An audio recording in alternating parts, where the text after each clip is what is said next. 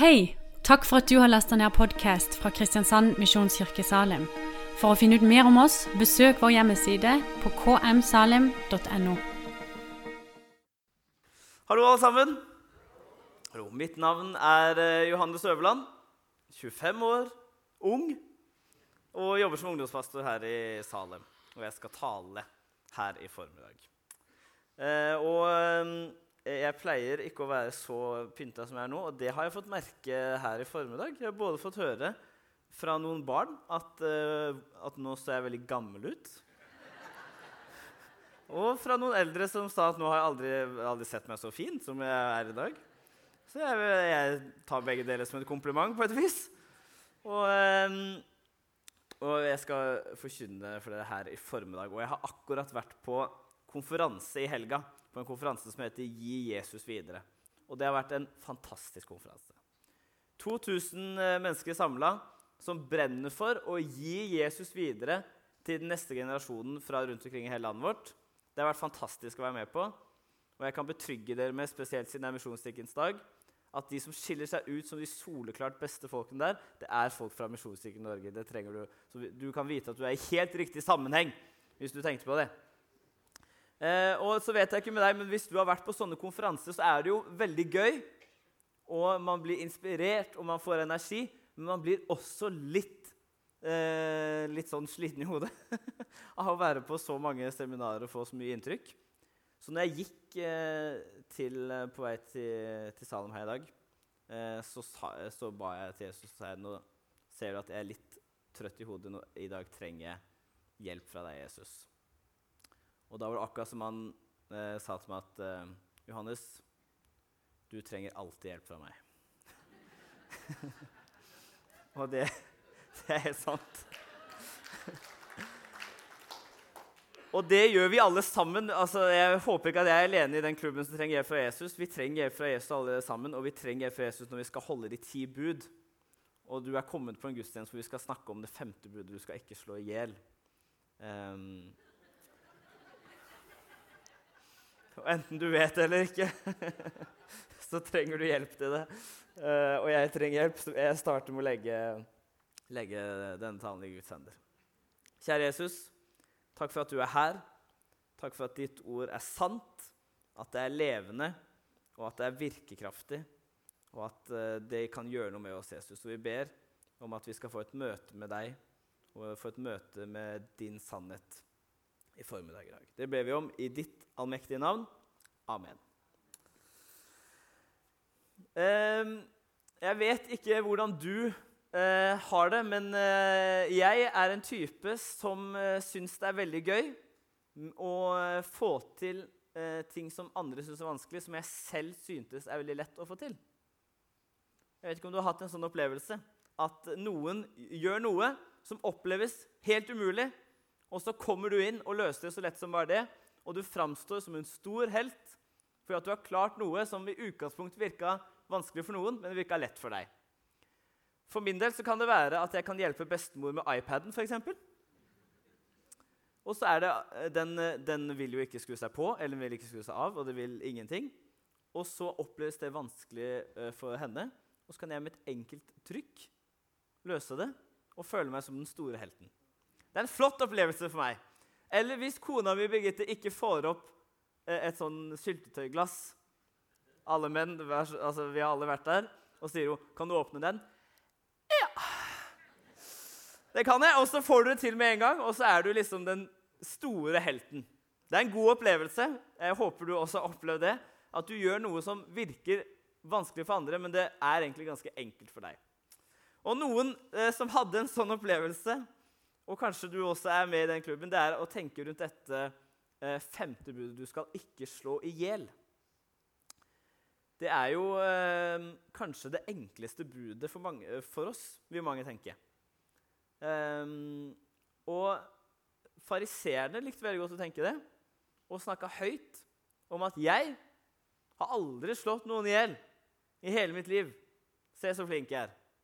Sånn gjorde. Og jeg forstår det godt, for når jeg har tenkt på dette budet, så har jeg jo tenkt at, at ikke bare har jeg klart å holde det hele livet, men jeg tror faktisk at jeg ikke er sterk nok. Jeg har ikke tenkt å prøve å finne det ut, men jeg bare tenkte jeg tror ikke jeg kunne klart hvis jeg prøvde en gang. Og det er jo et av de få budene hvor jeg kan tenke det. Men vi skal eh, Ja. Så det er egentlig alt jeg har lyst til å si i formiddag. Så har en signa uke og lovsangstimen kan komme. Nei. Nei, vi skal se på at det sier kanskje noe mer enn det vi kanskje tenker ved første øyekast om dette bruddet. Du skal ikke slå i hjel. Og For det første så tenker jeg at det sier noe om Guds syn på mennesket, og hvem som har rett til å bestemme over liv og død. Og det sier noe om Guds tanke om at vi mennesker ikke er i den posisjonen at vi skal bestemme over om noen skal leve, eller om noen skal dø. Det er kun Gud som bestemmer om noen skal leve eller dø. Og Hvis vi begynner å rote oss borti det, da er vi på bærtur. Og så, så, tenker jeg at det bare sier noe om hvor, høyt, en, hvor høy tanke Gud har om oss mennesker. Hvor høyt vi er elsket. Hvor, hvor, hvor mye han, verdi han har i oss. Han vil at vi skal leve. Og disse fariseerne de skryter av alle de gode disse budene de klarer å holde. Dette er et av de som det snakkes om at de skryter av mest, fordi det er det de fleste har klart å holde enkelt og greit. Det kunne jeg også gjort. Jeg kan skryte masse at jeg har aldri slått i hjel et eneste menneske.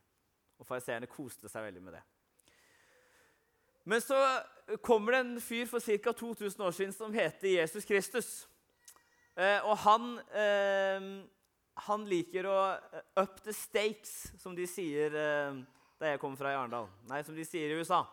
Up the stakes, Han liker å høyne standarden for hva dette betyr. Og Vi skal lese, vi får det opp på skjerm fra Matteus 5, 21-22. Der sier han dere har hørt det har blitt sagt til forfedrene du skal ikke slå i hjel. Den som slår i hjel, skal være skyldig til domstolen. Og igjen, fariseerne de, de, fremstiller seg selv som rettferdige. De har klart dette. Og Jesus han sier at de er som en kopp, at de er ren på utsiden, men skitten på innsiden. Og det er ikke en god kopp. Og De gjorde en stor greie ut av dette, de ikke pleide å drepe folk, men Jesus han gjør et poeng ut av at en ekstern handling ikke er viktigere enn en intern holdning. En ekstern handling er ikke viktigere enn en intern holdning. Og Han sier videre.: Men jeg sier dere, den som blir sint på sin bror, skal være skyldig for domstolen. Og den som sier til sin bror, din idiot, skal være skyldig for det høye råd. Og den som sier din ugudelige narr, skal være skyldig til helvetes ild. Jesus snakker her om å snakke nedsettende om andre mennesker. Og disse, disse, ordene han bruker, det sånn det er et veldig tegn på at du ser ned på andre mennesker hvis du, hvis du sa dette til andre. Da, da så du ned på at de, de er mindre verdt enn meg. Og det liker ikke Jesus. Og Fariseerne trodde at de var bra nok, for de klarte å holde seg borte fra de verste syndene, som f.eks. å drepe noen. Men Jesus han poengterer at ingen er rettferdige. Alle synder og alle trenger nåde og Jesus i livet sitt. Og jeg vet ikke med deg, men jeg tror at vi kan si at vi alle sammen har litt sinne i hjertet vårt. Og Jesus sier at da sliter du. Da er du skyldig til domstolen. Og, men hva sier egentlig Bibelen da om sinne? Er det å være sint en synd? Og Paulus han skriver det i Efeserne 4,26, som vi også har på skjerm. Han skriver, 'Blir dere sinte, så synd ikke, og la ikke solen gå ned over deres vrede.' Ikke gi djevelen rom. Og jeg må bare innrømme at her i formiddag så står dere og ser på en skikkelig sinnapropp. Jeg kan bli utrolig irritert over de minste ting. Hvis det bare er en antydning til kø, f.eks., så kjenner jeg at blodet begynner å koke med en gang, og jeg blir sint. Og Senest for noen dager siden så ble jeg også sint på en filleting. Da satt Birgitte og jobba med eh, takkekort til bryllupet. Og så var jeg litt sur i utgangspunktet, for det burde vi jo sikkert gjort for lenge siden. Vi gifta oss i sommer. Det begynner snart å snø ute. Vi burde gjort det for lenge siden. Og så var det programmet på PC som vi gjorde på, det var et utrolig irriterende program. Hvor du liksom ikke fikk lagt inn bildene, og så forsvant de, og så flytta de på seg. Og jeg satt og trykka hardt og stønna høyt og var så sint på denne PC-en. Og jeg har, og, og jeg, har um, jeg er veldig interessert i fotball.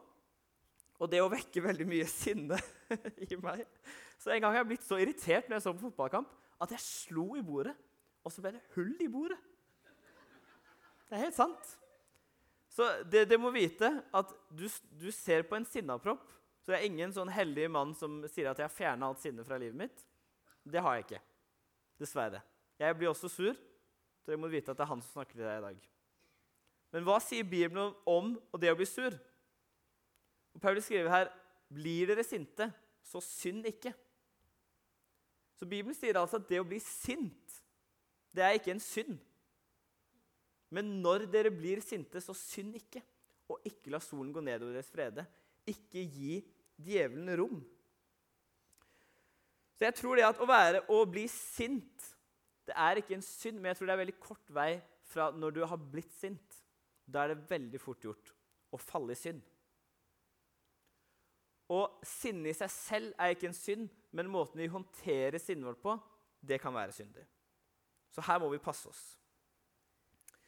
Videre i Matteus så leser vi, um, og det har vi også på skjerm, om du bærer fram offergaven din fram for alteret, og der kommer du til å tenke på at din bror har noe imot deg, så la gaven ligge foran alteret og gå først og bli forlikt med din bror.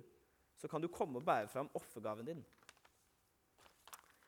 Og Dette verset overrasker ikke oss veldig, men det sjokkerte de som hørte det på den tida der. Hvis man skulle til tempelet for å ofre, så kunne man risikere å gå i tre dager for å gjøre det.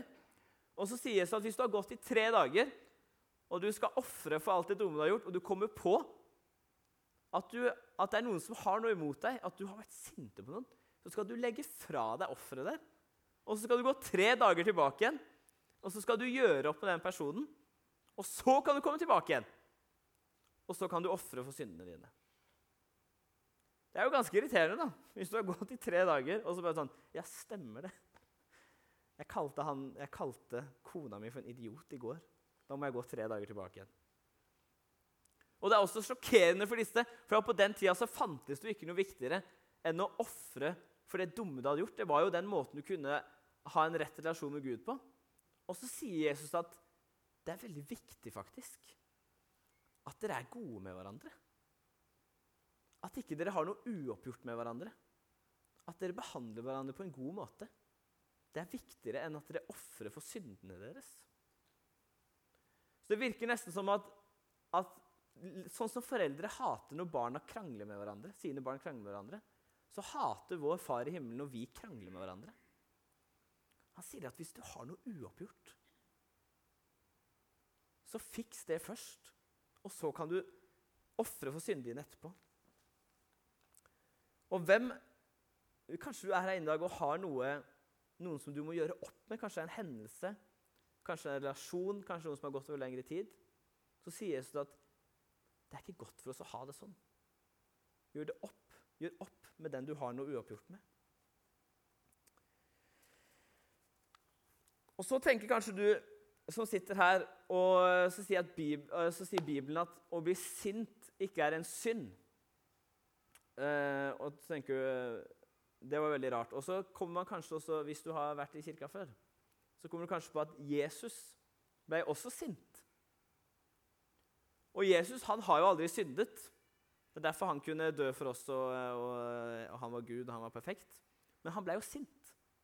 Når var det han ble sint? Han ble sint på tempelplassen.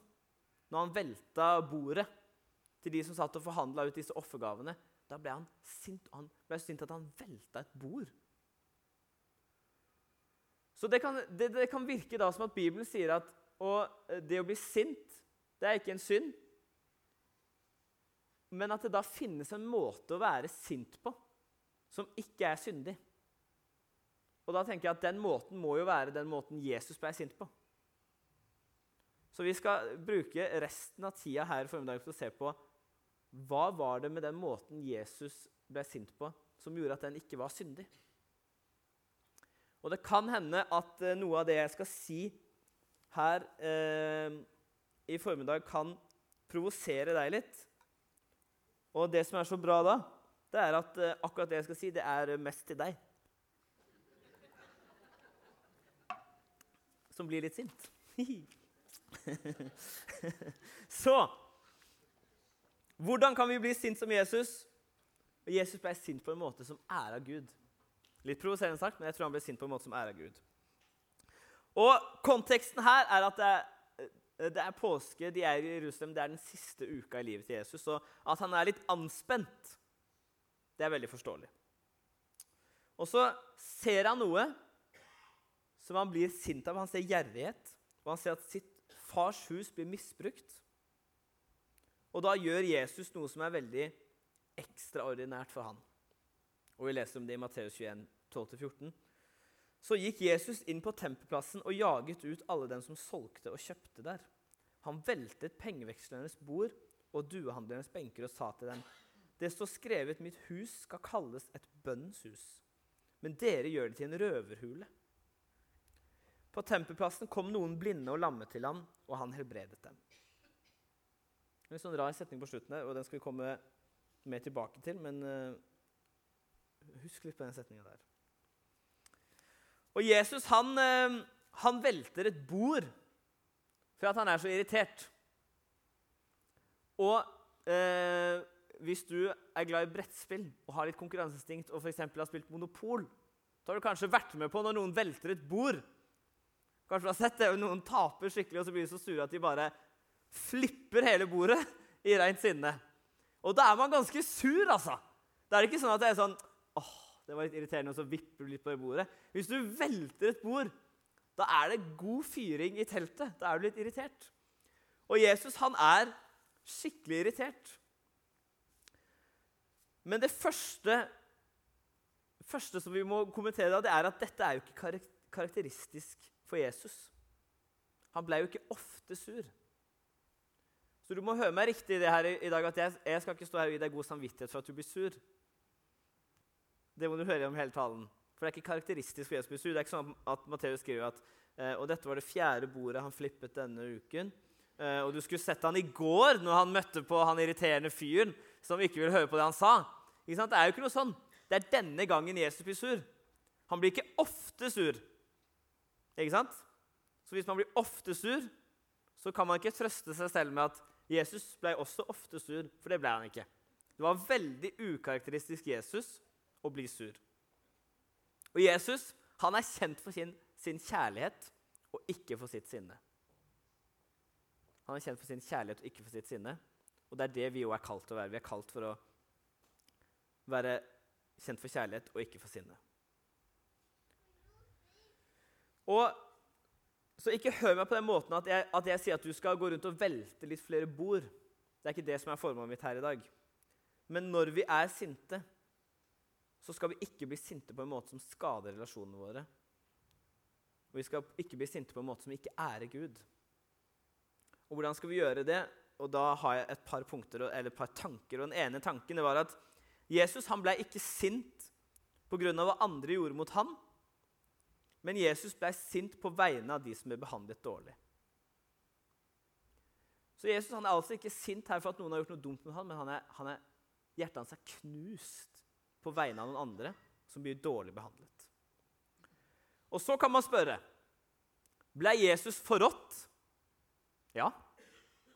Ble han kritisert? Ja. Ble han hatet? Ja. Ble han urettferdig beskyldt for alt mulig rart? Ja.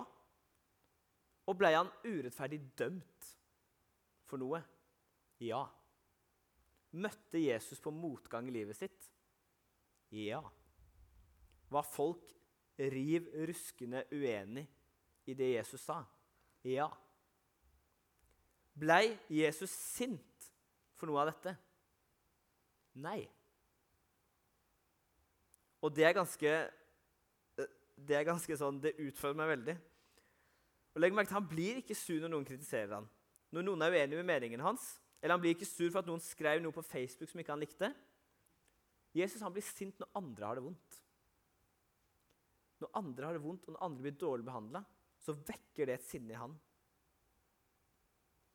Og Det er veldig lett å sitte her i dag og tenke at denne talen her, det, og sitte og se rundt seg og tenke det er godt at han er her i dag. Eller kanskje dytte litt i ektefellen din og tenke nå håper jeg du følger med.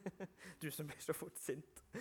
Men jeg tror at vi blir litt utfordret her til å se inn i vårt eget hjerte og sjekke hvordan hjertet mitt har det på denne måten. Blir jeg sint på mine egne vegne? Ja. Og det ble altså ikke Jesus. Hjertet hans ble knust for de som ble behandla dårlig. Og det er en veldig naturlig reaksjon å bli sint. Så ikke hør meg, ikke hør meg feil i det at jeg sier at det er veldig ukristelig å bli sint. Det er veldig menneskelig å bli sint.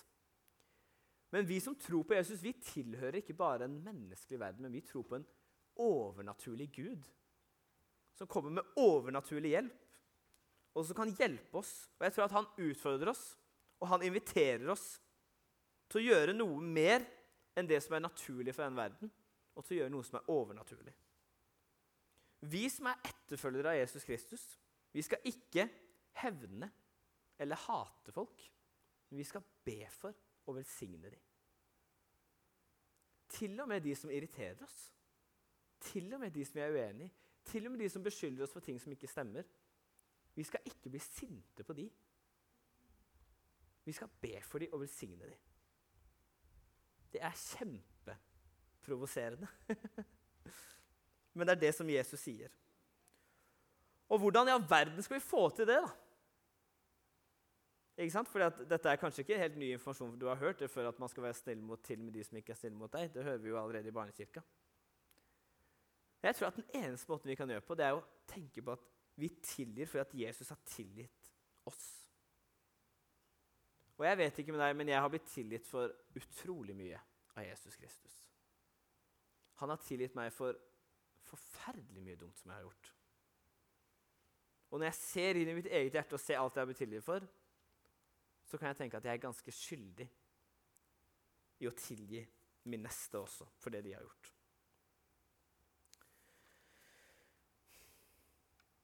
Og når, og når vi ser over på Jesus, så han blir, ikke, altså han blir ikke sur på hva folk gjorde mot ham, eller hva folk sa om ham. Eller han blir heller ikke sint på en hel sånn folkegruppe. Han sier ikke sånn f.eks.: eh, 'Alle fra, fra Vennesla er dumme', f.eks. Unnskyld? Ingunn spesielt? Ja, ikke sant? Han sier, men det er det, han sier ikke det. 'Alle fra Vennesla er dumme'.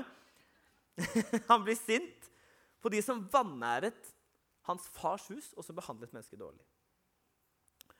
Og disse, bo, disse pengevekslebordene og de duebordene som han velter det var, Folk kom og veksla inn sine vanlige penger for å bruke penger som kunne bli brukt i tempelet.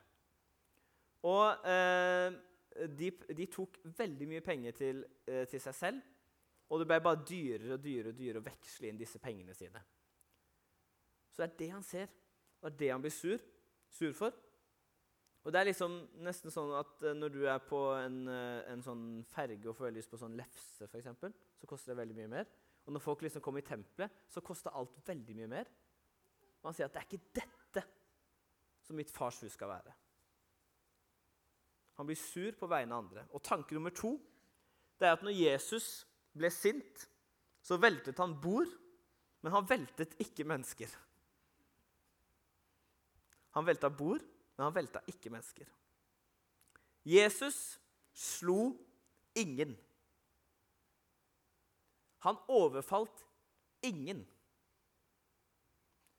Det, det, finnes ikke noe form for sinne som er rettferdiggjort i Bibelen, som, som er fysisk skadelig mot andre mennesker.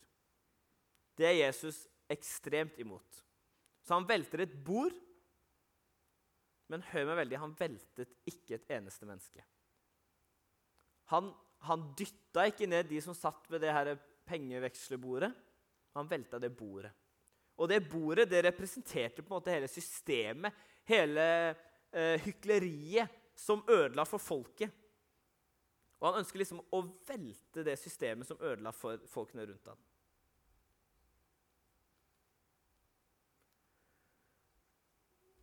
Og det, og jeg vet ikke om, om, sli, om noen sliter liksom med dette. At, liksom, at man, og jeg innrømmet jo at jeg har jo slått i et bord når jeg blir sint. Så, så jeg jo ikke, står jo ikke her som en helgen, akkurat.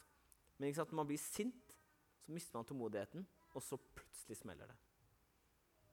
Men Jesus han velta altså bord, og han velta ikke mennesker. Og han angrep ikke mennesker. Han angrep på en måte et system. Det det, jeg, tror, jeg, tror, det er noe der for oss at vi Vi må ikke gå på personangrep, verken fysisk eller psykisk. Men Jesus han angrep på en måte systemet som undertrykker mennesker, og som er hyklerisk mot, mot, Gud. Og Det er veldig fort gjort å irritere seg på mennesker fordi at man tenker at vi selv har rett. Det er kjempefort gjort. For jeg tenker at det er jeg som har rett, og jeg har da rett til å bli sint på deg som har feil. Feil teologi, feil tankegang, feil verdensbilde. Men Paulus skriver altså ikke at de tre største tingene er tro, håp og ha rett.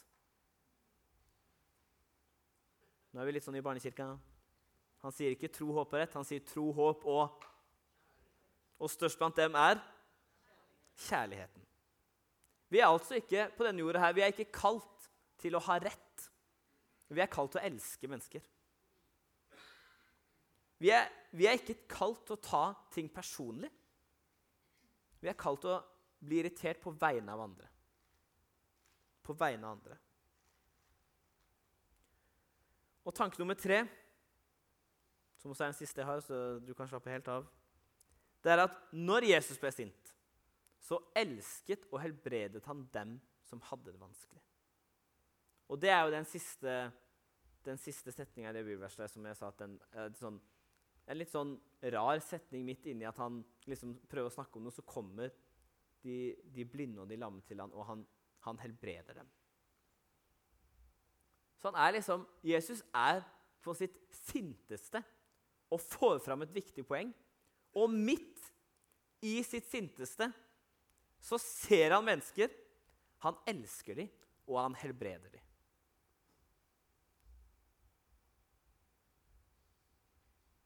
Jeg vet ikke med deg, men når jeg er på mitt sinteste, så er det veldig få mennesker som jeg ser, og som jeg elsker, og som jeg ber for. Men det gjør altså Jesus. Og vi er kalt til å følge etter hans eksempel. Og igjen Kanskje du syns det var litt provoserende sagt. Jeg er helt enig. Jeg kjenner at det, liksom, det utfordrer meg òg. Men det er det Jesus gjør. Han ser de som har det vanskelig, midt i mens han er på sitt aller, aller sinteste. Og han, det, han skal, denne uka skal han dø. Han vet han skal gjøre om alt. Han er kjempeanspent, har det tøft. Men han er altså drevet av en sånn kjærlighet at de mennesker som han ser, det overskygger det sinnet som han kjenner på. Og det er bare en sånn bønn i mitt liv. altså. At til og med når jeg er på mitt sinteste, så kan jeg få lov til å, til å representere Jesus på en god måte. At til og med når jeg sitter i trafikken og uh, sitter og uh, trommer på rattet og tuter og er, og er sint, så håper jeg at hvis jeg ser noen som står med panser oppe og ser fortvila ut, at jeg skal kjenne at fordi at Jesus bor i meg, så kan jeg legge fra meg dette sinnet og stoppe og hjelpe dem og helbrede bilen. holdt jeg på å si. Jeg kan ikke det da. Men prøve å, å hjelpe dem, fordi at Jesus, han, han, uansett i hvilken forfatning han er i selv, så ser han mennesker, han elsker dem. Og det er det eksempelet vi er kalt til å, å følge etter. Og det er utfordrende. Og igjen bare gjennom Jesus Kristus og Hans nåde, så kan vi gjøre det. Så du kan kjenne at 'dette får jeg ikke til'. Da kan jeg si 'jo da', for du har Jesus i hjertet ditt. Og da, da kan vi få det til. Så dette er de tre måtene som, tre liksom måtene som Jesus blir sint på. Som er en måte som vi kan følge etter når vi kjenner at vi blir sinte. Så, skal vi si at sånn gjorde Jesus da han ble sint. Og den siste tingen som jeg, som jeg skal si her i kveld, det er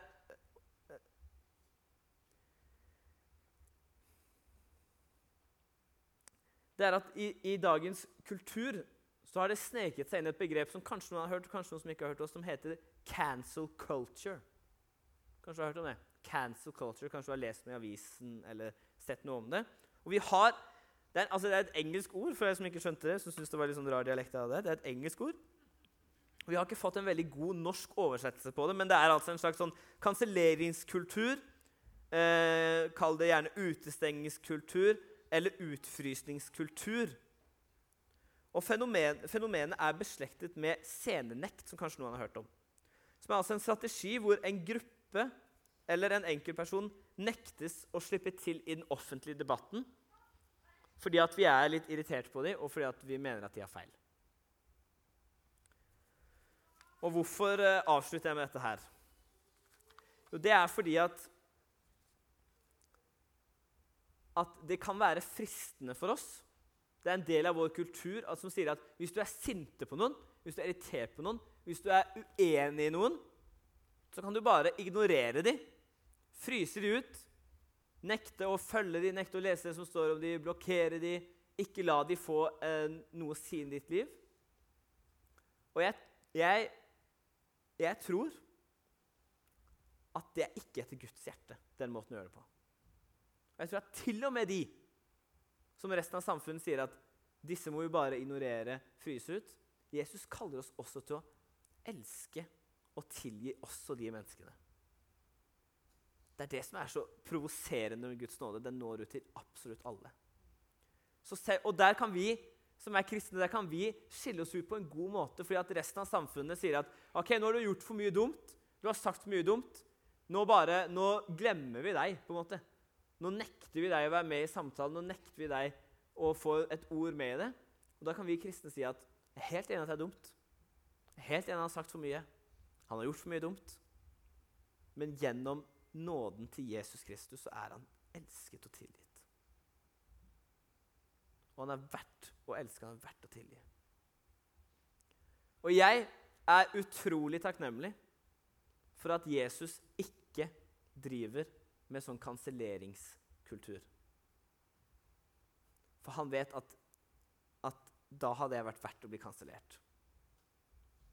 Jesus han gjør ikke det. Han driver med inkluderingskultur. Til og med de som han er sinte på, til og de som er uenige i oss. Han inkluderer de. Og neste bivers her, som er fra, fra Kolosserne 2.13-15, står det dere var døde pga. misgjerningene og deres uomskårne kjøtt og blod. Men han gjorde dere levende sammen med Kristus da han tilga oss alle våre misgjerninger. Gjeldsbrevet mot oss slettet han. Det som var skrevet med lovbrudd, han tok det bort fra oss da han naglet det til korset. Han kledde maktene og åndskreftene nakne og stilte det fram til spott og spe da han viste seg som seierherre over dem på korset.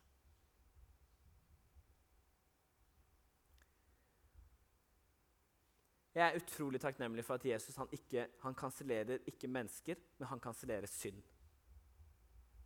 Han tok på seg altså alle disse misgjerningene og alt det dumme som er gjort. Alt som alle, har gjort. Det nagla han fast på kortet. Gjeldsbrevet mot oss er slettet. Alle mennesker er elsket og tilgitt av Jesus Kristus. Du er elsket og tilgitt av Jesus Kristus. Du er ikke kansellert. Du er inkludert.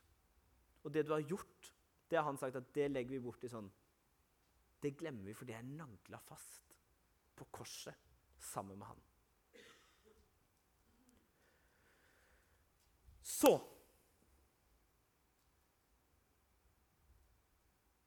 Jeg er utrolig takknemlig for men mennesker som blir sinte på ting som f.eks. rasisme. Folk som er sinte på menneskehandelen. Folk som blir sinte på abort. Folk som blir sinte når vi snakker ned menneskeverd. Folk som kjenner at de blir sinte av folk ikke har nok rent drikkevann. Folk som kjenner at de blir sinte fordi at klimaet går galt, fordi at folk ikke har nok å spise. Jeg er takknemlig til Gud for mennesker som kjenner at de blir sinte på ting som er urettferdig. Og jeg tror at det er etter Jesus sitt hjerte, for vi ser det i Bibelen. Vi ser at han blir sint på ting som ikke ærer Gud. Og vi lever i en splitta verden, og en splitta verden trenger en forent kirke. Og vi er sammen i dette oppdraget. Både om å vise godhet til verden, med at alle mennesker skal få lov til å bli kjent med Jesus Kristus og kjenne han som sin herre og frelser og mester og venn. Så altså Jesus han blir ikke sint på egne vegne, han blir sint på andres vegne når de har det dårlig. Jesus han velter bord i form av systemer. Han velter ikke mennesker. Hvis Jesus hadde vært der i dag, så tror jeg han hadde vært veldig han hadde vært, hadde, Hjertet hans hadde knust med tanke på f.eks. abort, men jeg tror ikke han hadde han hadde ikke gått på personangrep, han hadde gått på systemangrep på dette. Og sist, men ikke minst, midt i hans sinne og frustrasjon, så stopper han aldri å se, elske, tilgi og helbrede alle mennesker som kommer til ham. Vi ber. Kjære Jesus, takk for at du at du er så annerledes, Jesus. Og takk for at du, at du elsker oss, og at du, du, elsker oss, og du ser så annerledes på ting. Og du, på, på samme måte som at du løfter opp standarden for hvordan vi skal leve, så lar du allikevel alle komme til deg. For du vet at alle sammen kommer, kommer til kort og trenger hjelp av deg. Jeg takker deg for at du kom på jorda her, levde et liv som vi kan følge etter. Levde et liv til eksempel og til etterfølgelse. At du helt syndfri døde for oss og tok på alle gangene vi gikk på trynet, alle gangene vi ikke var gode nok. Det tok du på deg. Det er nagla på korset. Gjeldsbrevet er sletta, og vi kan komme til deg akkurat sånn som vi er. Jeg ber om at du må hjelpe oss, Jesus. Du ser at vi er helt vanlige mennesker her i formiddag som blir sinte. Og i vårt sinne, Jesus, hjelp oss å følge etter deg på best mulig måte. Det ber vi om i ditt hellige navn. Amen.